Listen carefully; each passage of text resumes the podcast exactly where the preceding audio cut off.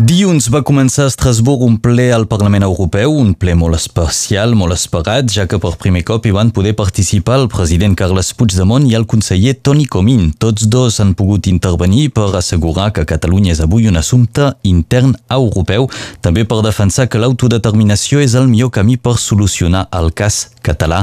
Avui el nostre convidat és el conseller Toni Comín. Bon dia i bon any. Hola, molt bon dia i molt bon any. Us teniu aquí per fer un balanç un poc de com hauran anat aquests dies al Parlament Europeu. Quines han estat les vostres impressions? Sí, fem un balanç molt positiu perquè fins i tot podríem dir que, a part de la part eh, eh personal, emotiva d'aquesta setmana, que ha estat molt intensa, eh, des del punt de vista estrictament polític, el balanç que fem d'aquests quatre dies és molt bo per sobre fins i tot de les nostres expectatives, fins i tot, no? Doncs vam dir que arribàvem amb molta emoció de saber que estàvem eh, representant a, a centenars de milers de persones que entraven amb nosaltres al Parlament i que ha estat una lluita molt complicada i molt llarga i, i per tant que hi ha molta emoció de molta gent aquests dies no? eh, veient-nos entrar, però que entràvem amb un sentiment de responsabilitat de ser capaços d'aprofitar eh, d'aprofitar bé la, la, la, la plataforma que ens proporciona el Parlament. I el que no ens imaginàvem és que ja poguéssim arribar a moldre.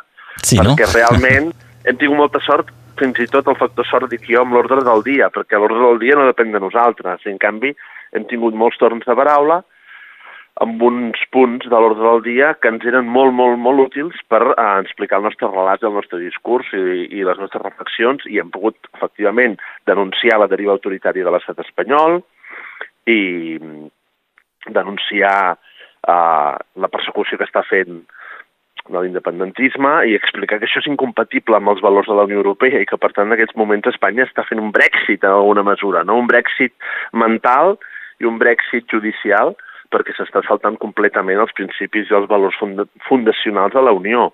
Mm -hmm. I, i, I estem molt, en aquest sentit estem molt satisfets, per dir-ho d'alguna manera, d'aquesta estrena, no?, d'aquesta estrena nostra al Parlament. Ha sigut molt, molt profitosa, diguem. Hem pogut seguir les vostres intervencions doncs, per, eh, per les imatges, per televisió, però què s'ha passat pels passadissos? Quina ha estat la recepció per als altres diputats o pels mitjans? Doncs en general hi ha hagut una recepció extraordinària. al Parlament a, a banda i banda de l'hemicicle, dreta i esquerra, tothom era conscient de que feia molts mesos que estàvem lluitant per entrar, que era una qüestió de democràcia, en aquell Parlament, més enllà de les posicions ideològiques de cadascú, la majoria, la gran, la immensa majoria dels diputats són demòcrates i, per tant, empatitzen quan no recolzen explícitament el cas català, diguem, no? Més enllà del que pensin sobre la independència. O sigui, el que veuen molt clar és que en aquests moments hi ha una vulneració de drets bàsics en una democràcia en, el, en la persecució del que és objecte de l'independentisme català i, per tant, hem tingut doncs, una rebuda molt càlida des del grup de l'Esquerra Unida Europea, passant pels companys del grup verd, la gent de qualsevol grup parlamentari, eh, fins i tot la gent que ja no volem més del partit del Brexit, del Farage, ens van també saludar de manera molt cordial. Eh, ha estat molt, molt càlid a dins de l'hemicicle i als passadissos no hem parat de premsa perquè eh, són d'aquells moments en què efectivament eh, es disparen les peticions de mitjans catalans, espanyols i europeus i hem intentat doncs, atendre'ls en la mesura que el, que el, bueno, el dia té 24 hores, diguem, no? Sí, no? Per atendre tothom. Per això us agraïm aquests minuts que ens dediqueu no, des d'aquí a Radio Arrels. Al revés, imprescindible. Heu fet referència als Verds, heu demanat, heu sol·licitat de poder entrar en el grup dels Verds Aliança Lliure Europea. Els Verds, eh, sense prendre una decisió definitiva i concreta, han mostrat alguna reticència. A veure, això ho vam demanar quan vam ser elegits, perquè nosaltres estem intentant actuar com a eurodiputats no des de fa unes setmanes, sinó des de fa uns mesos, des del 2 de juliol. No? Nosaltres ens hem considerat sempre eurodiputats i va ser aleshores, abans de l'estiu, que vam fer aquesta sol·licitud per carta formal, diguem. Llavors, en el grup dels Verds sabem que hi ha en aquests moments converses i reflexió i debat. Per exemple, els Verds francesos eh, ens estan ajudant moltíssim i eh, fer un agraïment explícit en aquí del suport i l'acompanyament que estem tenint per part de, dels verds que venen de, això de la, de, la, de la circunscripció de França, no?, en aquest sentit, i, i perquè són en aquests, realment um, molt solidaris amb la nostra situació. I espereu, tant, doncs... Hi ha, hi, ha de tot, hi ha de tot. I després també és veritat que el senyor Lamberts, que és un verd belga valor, doncs ell va parlar més amb condicionat per les discussions que hi ha en aquests moments a la política belga per la formació del govern federal. Aquelles declaracions només es poden entendre en el context del debat belga i nosaltres tenim en aquest sentit poc a veure amb tot allò que va dir el senyor Lambert. Mm -hmm. Bé, per uh, marcar un altre dels temes que, que, que no ens hem d'oblidar, heu posat endavant durant la vostra intervenció que Oriol Junqueras no és eurodiputat perquè es vulneren els seus drets polítics. Efectivament, és que igual que entràvem emocionadíssims perquè érem conscients de que no deixava de ser un moment històric en el que estàvem fent i que era un pas anava a dir bueno, diguem, un pas molt important en la nostra causa, que és la causa de l'autodeterminació de Catalunya, que sigui reconeguda i respectada, i per tant, la nostra arribada al Parlament. I a més, perquè ho ha dit el Tribunal de Justícia de la Unió Europea, diguem, no? Nosaltres hem, hem entrat per una porta diferent, en aquest sentit per una porta molt gran, que és la porta del Tribunal de Luxemburg, no?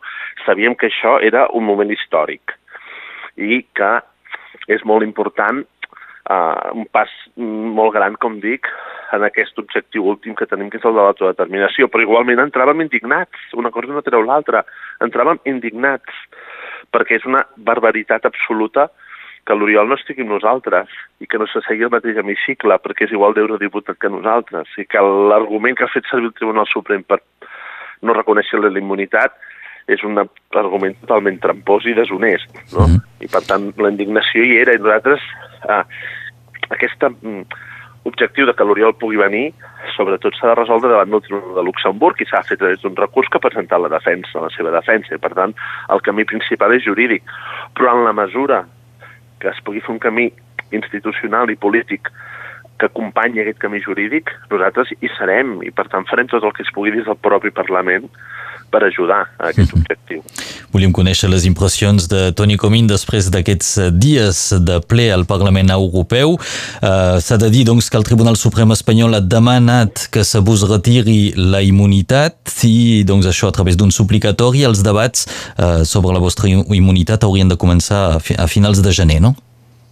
Sí, però nosaltres lluitarem perquè aquesta ens lluitarem ara a, a curtíssim termini en el pla estrictament jurídic o formal perquè aquest suplicatori decaigui, abans de que sigui ni tan sols debatut i votat, perquè és totalment irregular. Aquest suplicatori, per dir-ho així, és nul, mm. perquè la norma que el regula, que és una norma europea, diu clarament que un suplicatori només el pot enviar el jutge competent, i ho ha de fer a través del Ministeri de Justícia, i ni, ni, ni l'ha demanat el jutge competent, ni l'han enviat a través del Ministeri de Justícia. Per tant, és un suplicatori nul. Doncs és un tema que també haurem de seguir sobre la immunitat de Carles Puigdemont i de Toni Comín. Toni Comín amb qui parlem i us hem de preguntar també per aquest acte a Perpinyà. Sabem que la delegació aquí a Catalunya Nord del Consell per la República ja està treballant per uh, organitzar un acte que significaria el vostre retorn a Catalunya. Com, com ho esteu preparant, això? Hem de poder tancar una data molt, molt aviat i anunciar-la de manera imminent, hem de fer-ho, i per tant és bastant imminent l'anunci d'aquesta data, d'aquesta segona de quinzena de febrer, uh, i té un valor simbòlic, però no només simbòlic, sinó un valor pràctic també, molt gran per nosaltres aquest acte, perquè no deixa de tenir aquest uh, significat de l'inici del retorn. Eh, anarem a trepitjar terra catalana, encara no podrem anar a casa, encara no podrem anar al Palau de la Generalitat, diguem, no? d'on vam marxar el dia que vam anar cap a l'exili. Però podrem estar a terra catalana, això té ja un valor molt important.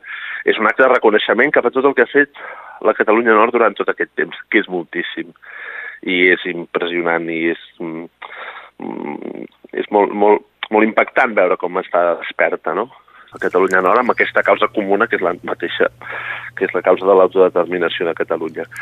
Potser ens havia... I, per tant, Potser, no, no, no, potser ens havíeu oblidat un poc, no? I uh, tota aquesta actualitat ha tornat a posar Catalunya Nord un poc a l'ordre del dia. Jo crec que fa dos anys que uh, el Principat ha redescobert la Catalunya Nord.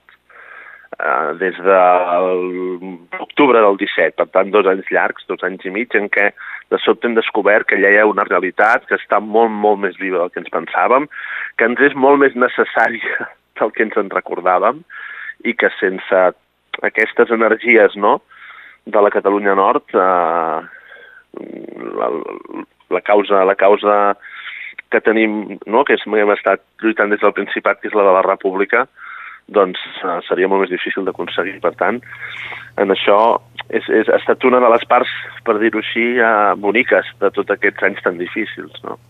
Estarem pendent ben segur de, de quan aparegui una data concreta, algun lloc també per aquest acte eh, que s'anuncia multitudinari a Perpinyà. Toni Comín, abans d'acabar, una última pregunta. Us esteu plantejant amb Carles Puigdemont visitar els presos polítics catalans? Bueno, nosaltres hem dit sempre que la primera cosa que farem quan puguem entrar serà anar a la presó Lledoners, a Puig de les Basses, a Mas Enric, segurament no sé per on haurem de començar, però volem a poder abraçar-nos amb ells, no? Però, insisteixo molt, quan puguem, i el quan puguem dependrà de quan es reconegui la immunitat a Espanya. En aquests moments està passant una cosa increïble, kafkiana, però diguem, és per, per, per, per horroritzar-se, eh? Que és Espanya negant una immunitat que sap que tenim, perquè la reconeix a la resta d'Europa, i en canvi la ignora i la nega per Espanya. No? I això és molt greu perquè, com deia abans, això vol dir que Espanya s'exclou de l'ordenament jurídic europeu.